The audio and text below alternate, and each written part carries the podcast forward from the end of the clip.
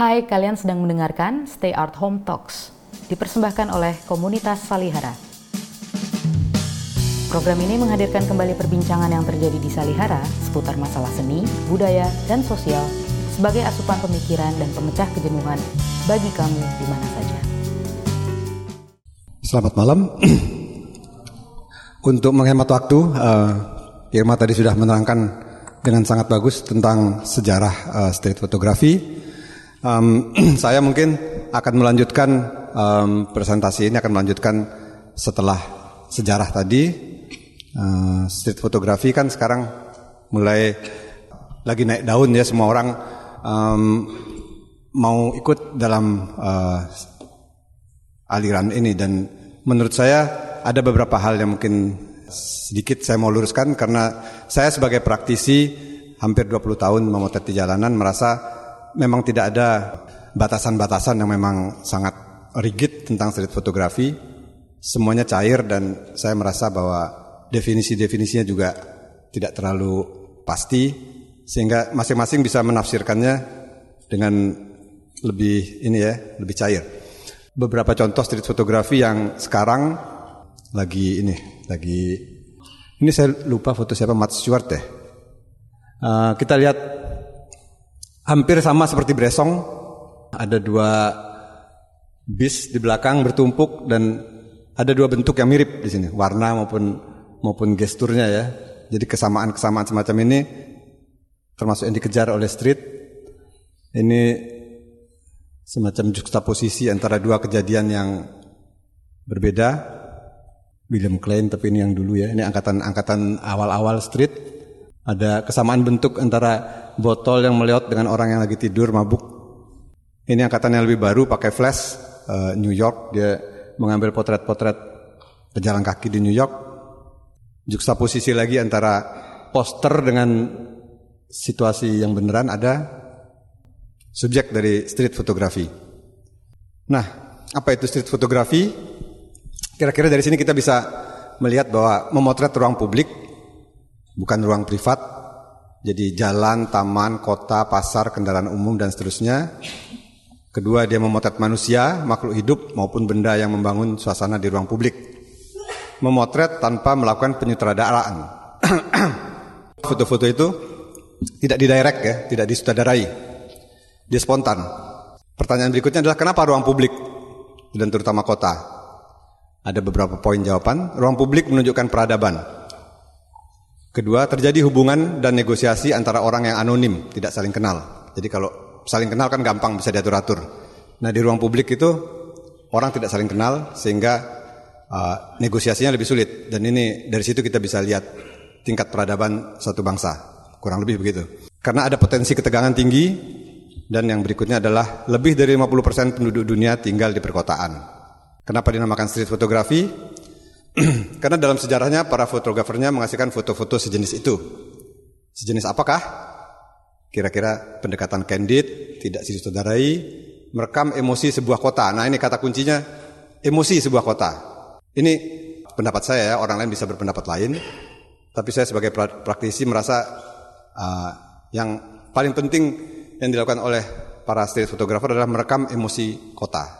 Kemudian pendekatan tersebut akhirnya digunakan juga di ruang publik yang lain. Jadi dari jalanan mereka ke kafe, mereka ke restoran, mereka masuk ke tempat-tempat lain. Jadi di sini akhirnya street photography menjadi sebuah approach, sebuah pendekatan. Dia tidak lagi merujuk pada lokasi. Ini awal street tadi keinginan orang untuk memotret kejadian sehari-hari yang biasa-biasa saja. Tentang seorang fotografer um, memotret apa sebuah ekspedisi mungkin penggalian di Mesir di belakangnya ada piramid. Foto ini bagus sekali untuk menerangkan perbedaan antara street fotografi dengan foto dokumenter. Kita perhatikan fotografer yang sedang memotret ini dia memotret dengan pendekatan dokumenter.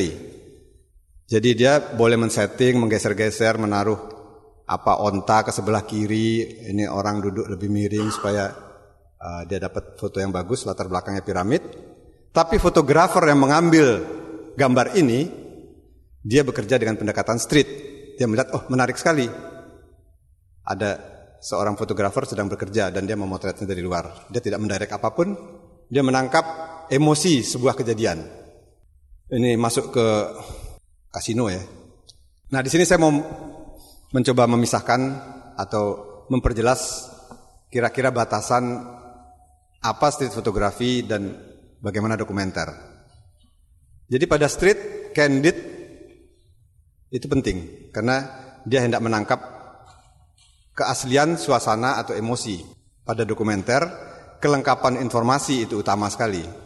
Pada street kelengkapan informasi tidak utama. Dokumenter boleh menyeting. Pada street itu subjektif, pada dokumenter ada tendensi ke arah objektif karena dia harus apa? Melihat berbagai berbagai aspek ya, ekonomi, uh, apa budaya dan lain sebagainya politik. Nah, oleh karena itu street fotografi pada street fotografi estetika diutamakan. Sebab emosi dihadirkan lewat estetik. Pada dokumenter boleh estetik tentunya, tapi dia bukan prioritas. Kira-kira ini pemisahan kasar yang apa bisa untuk pegangan walaupun tidak se apa tidak serigid itu ya batas-batasnya. Tapi apa itu estetika? Uh, saya ingin masuk sedikit ke estetika di sini karena pada diskusi kali ini saya mau masuk pada estetika street fotografi. Saya ingin uh, kita lebih memfokuskan pada estetikanya karena di tempat lain saya mungkin berbicara sejarahnya atau berbicara tentang apa ya mau ke mana ini bagaimana perkembangannya tapi Eh, pada pada kali ini saya ingin berbicara tentang estetikanya. Saya sedikit mau menyinggung estetika fotografi itu sebenarnya dari mana muasalnya atau berkait ke mana dia? Foto Salgado yang kita sama-sama tahu. Uh, um, ini foto kelaparan di Sahel ya. Uh, kenapa foto ini bagus? Sebenarnya kita tanpa sadar mengacu atau merujuk kepada lukisan-lukisan lama. Ini tentang Sodom dan Gomorrah Ya ciri-cirinya kira-kira mirip. Satu orang ketinggal, ada tiga orang di depan. Uh, ini ketika fotografi itu mencoba bercerita secara naratif. Ini ada tentang perbuatan hedonis. Tapi segera fotografi itu menyadari bahwa dia tidak bisa bercerita secara naratif begini. Dia akan gagal setiap kali berusaha meniru lukisan. Sampai akhirnya dia eh, menemukan estetikanya sendiri. Tapi kita lihat betapa banyak foto yang bagus itu kita setuju foto itu bagus karena sebenarnya kita merujuk kepada sebuah lukisan yang kita kenal atau bentuk-bentuk yang kita uh, sudah tahu sebelumnya. Nah, dalam prosesnya akhirnya fotografi menemukan uh, kira-kira apa apa kekuatannya dan para praktisinya mulai melihat bahwa ada unsur yang disebut pengungkapan dalam fotografi. Pengungkapan seperti apa?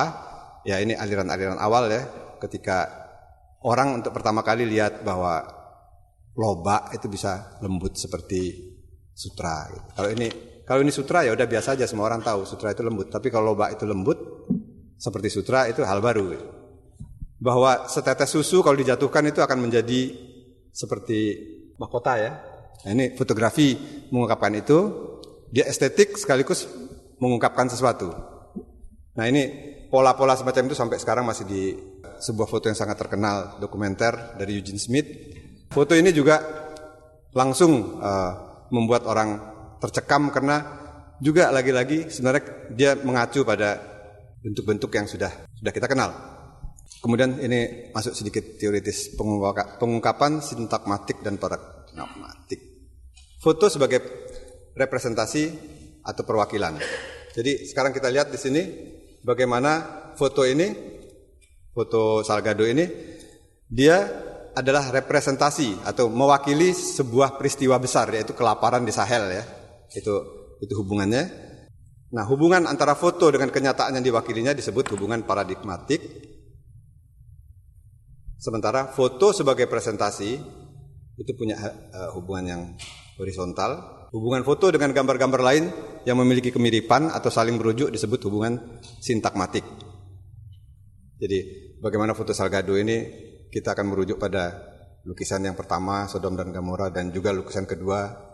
Tapi hubungan sintakmatik juga berarti hubungan antara unsur dalam gambar. Jadi bagaimana tadi seperti Irma menerangkan bagaimana uh, foto itu punya hubungan antara elemen di dalamnya itu juga disebut sebagai hubungan sintakmatik.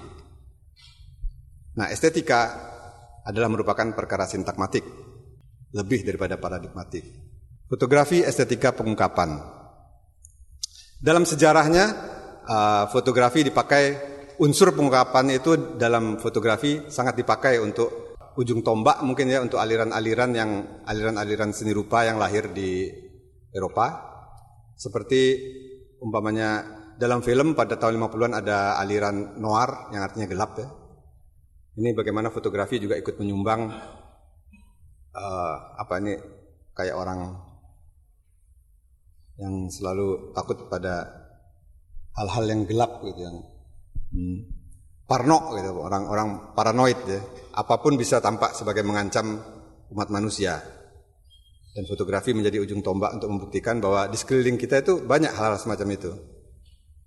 Ini foto dari seorang fotografer yang lari dari uh, Jerman karena fasisme.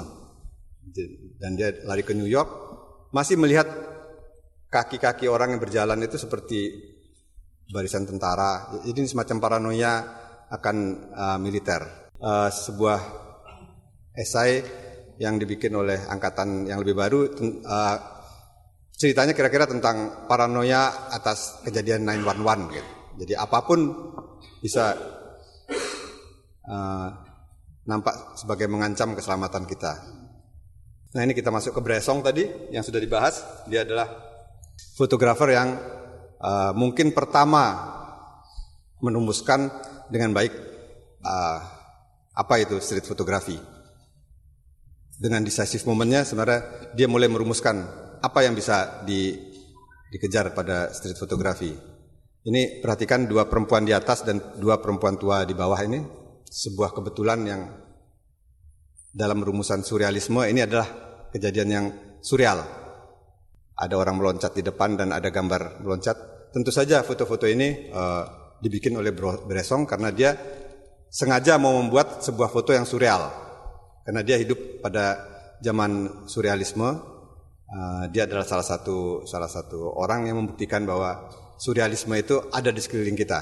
Jadi ketika manifesto surrealisme itu di, dilontarkan, uh, Bresson adalah salah satu fotografer yang uh, setuju bahwa surrealisme itu ada di sekitar kita dan dia ikut dalam uh, dalam pergerakan itu. Uh, mulai setelah decisive moment, mulai orang memotret sesuatu yang agak tidak berpola. Ini aliran-aliran yang mulai dikembangkan setelah Bresson. Bayang-bayang kelompok-kelompok orang yang tidak jelas, tapi secara fotografis dia menarik. Ah, ini sedikit perbedaan antara foto street fotografi dan jurnalistik.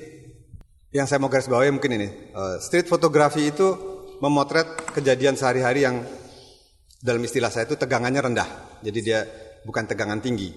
Tegangan tinggi itu mamanya saya selalu menceritakan ada tangan, darah, jalur busway. Nah itu kejadian-kejadian yang jarang kan ada kecelakaan. Nah itu itu makanannya jurnalistik. Tapi orang street tidak mengambil hal, hal semacam itu atau kalaupun dia ambil itu nggak nggak dia masukin dalam foto-foto dia. Dia ngambil sesuatu yang biasa-biasa aja. Itulah kenapa estetika jadi sangat penting karena uh, kejadian yang diambil itu bukan kejadian yang memang menarik tapi sesuatu yang sehari-hari. Sehari-hari banal sementara pada jurnalistik itu ada drama, jadi ada kontras-kontras ya, kontras sosial, orang kaya miskin, anak apa, anak penjual koran versus mobil Lamborghini kayak gitu-gitu itu di mana ada tegangan tinggi, ada ada drama itu jurnalistik. Sementara street fotografi dia main yang di tegangan rendah atau tegangan biasa aja. Makanya dia perlu uh, pada street itu diperlukan pendekatan estetika yang yang yang unik. Nanti akan kita lihat bagaimana mereka bermain dengan estetika itu. Nah di sini saya mau memperlihatkan bahwa yang direkam itu emosi sebuah kota. Emosi itu apa? Umpamanya ya termasuk kegembiraan, kesedihan, harapan, keputusasaan, optimisme, gairah dan lain-lainnya yang menggambarkan perbedaan emosi satu kota dengan yang lainnya. Jadi street fotografi berupaya menangkap impresi emosional dari momen-momen candid yang berlangsung sangat singkat dengan memanfaatkan estetika, komposisi, simbol, kontras dan juga aspek-aspek surreal ini seperti yang dilakukan oleh Bresson tadi untuk menangkap hubungan-hubungan yang mungkin lebih rumit seperti harmoni, absurditas, kontradiksi, ironi, sinikal dan lain sebagainya. Nanti kita bisa lihat contoh-contohnya. Ini semua yang dikejar oleh street sesungguhnya, emosi-emosi semacam ini. Street foto bermain di estetika yang semacam ini antara lain. Jadi sesuatu yang bisa lucu, bisa ironis, kejadian sehari-hari yang diangkat karena dia bisa menggambarkan sebuah atau menceritakan sebuah emosi.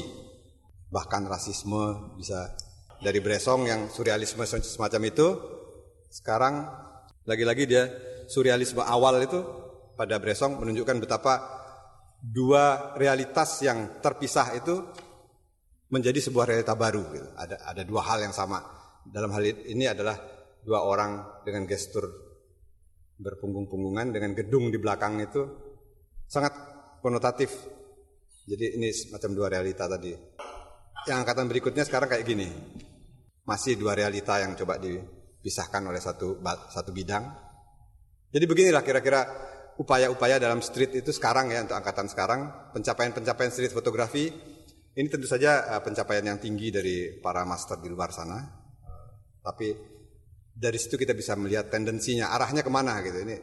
Saya kebetulan tahun lalu jadi apa? Uh, jadi juri untuk uh, street lomba lomba street fotografi IPA dan mendapati bahwa begitu banyak fotografer muda itu mengancam uh, para praktisi street yang sudah kawakan seperti Alex Webb tadi. Komposisi yang mereka hasilkan itu bisa sangat mengejutkan.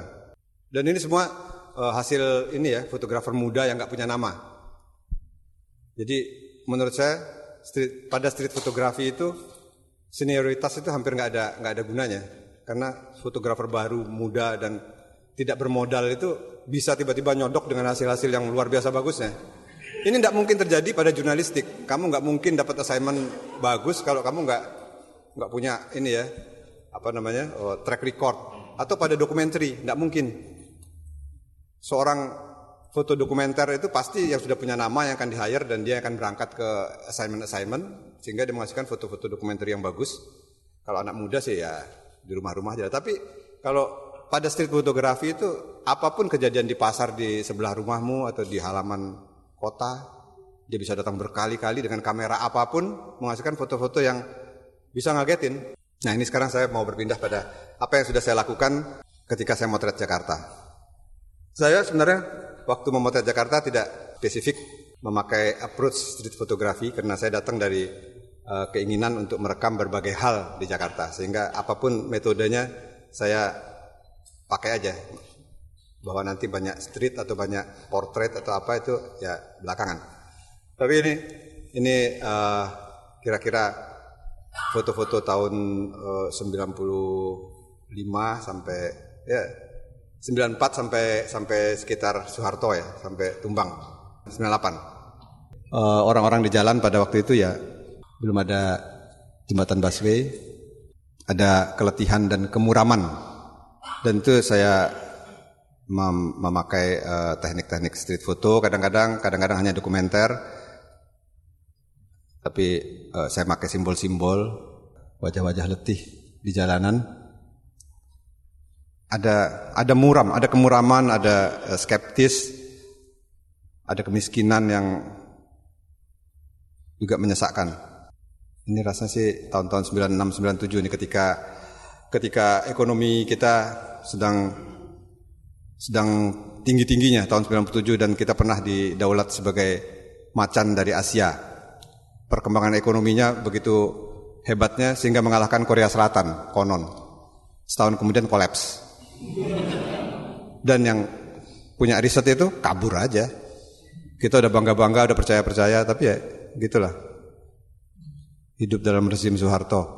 Mulai perlawanan-perlawanan mahasiswa, di sini saya agak jurnalistik, gerakan mahasiswa 98 mulai sebenarnya saya mau memperlihatkan bagaimana uh, sebuah dokumenter dan ini pendekatan saya dokumenter di sini.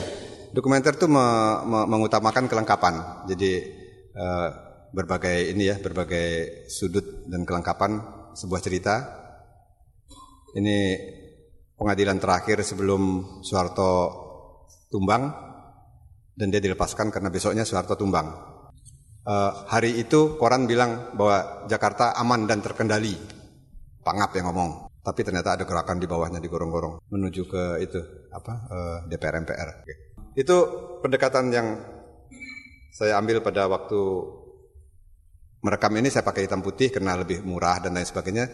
Tapi saya juga merasa bahwa uh, dia cocok untuk menggambarkan kemuraman uh, Jakarta dan masyarakat saya pada waktu itu. Kemudian dua tahun yang lalu saya mencoba menggarap Jakarta lagi dengan medium yang berbeda, yaitu dengan color dan saya memang sedang merasa bahwa Jakarta uh, berubah ke arah lebih baik, optimis. Jalan-jalan saya merasa menemukan banyak hal yang optimis. Orang mulai tersenyum walaupun macetnya gila-gilaan, tapi ya ada suasana optimistik dan bahkan banjir pun tidak terlalu menyesakkan rasanya. Nah kadang-kadang saya praktikkan juga uh, apa trik-trik street fotografi kotak-kotak kotak-kotak kayak gitu. Banyak yang seru di jalan. Tapi ya itu secara secara umum saya melihat keterbukaan itu membuat orang lebih happy walaupun apa banyak sekali mungkin kesulitan-kesulitan ya kemacetan dan lain sebagainya tidak membaik orang juga kecapaian tapi tidak tidak nampak uh, tertekan. Paling tidak itu menurut kamera saya. Kalau ada yang berpendapat lain kan silakan silakan motret. Nah ini sekian dari saya. Terima kasih.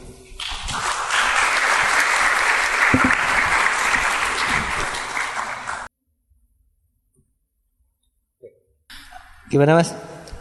Oke, okay, uh, saya kira uh, sampai sini saya akan akhiri berdiskusinya dalam uh, dalam sebuah uh, apa namanya kon, tidak ada uh, solusi yang final dalam artian definisi final dari street photography atau lain-lainnya karena saya kira semuanya itu berkembang uh, berproses uh, dan yang paling penting adalah memotret ya karena tanpa fotonya kita tidak pernah akan bisa buat perdebatan ya. Uh, saya kira sampai situ dan terima kasih atas kehadirannya.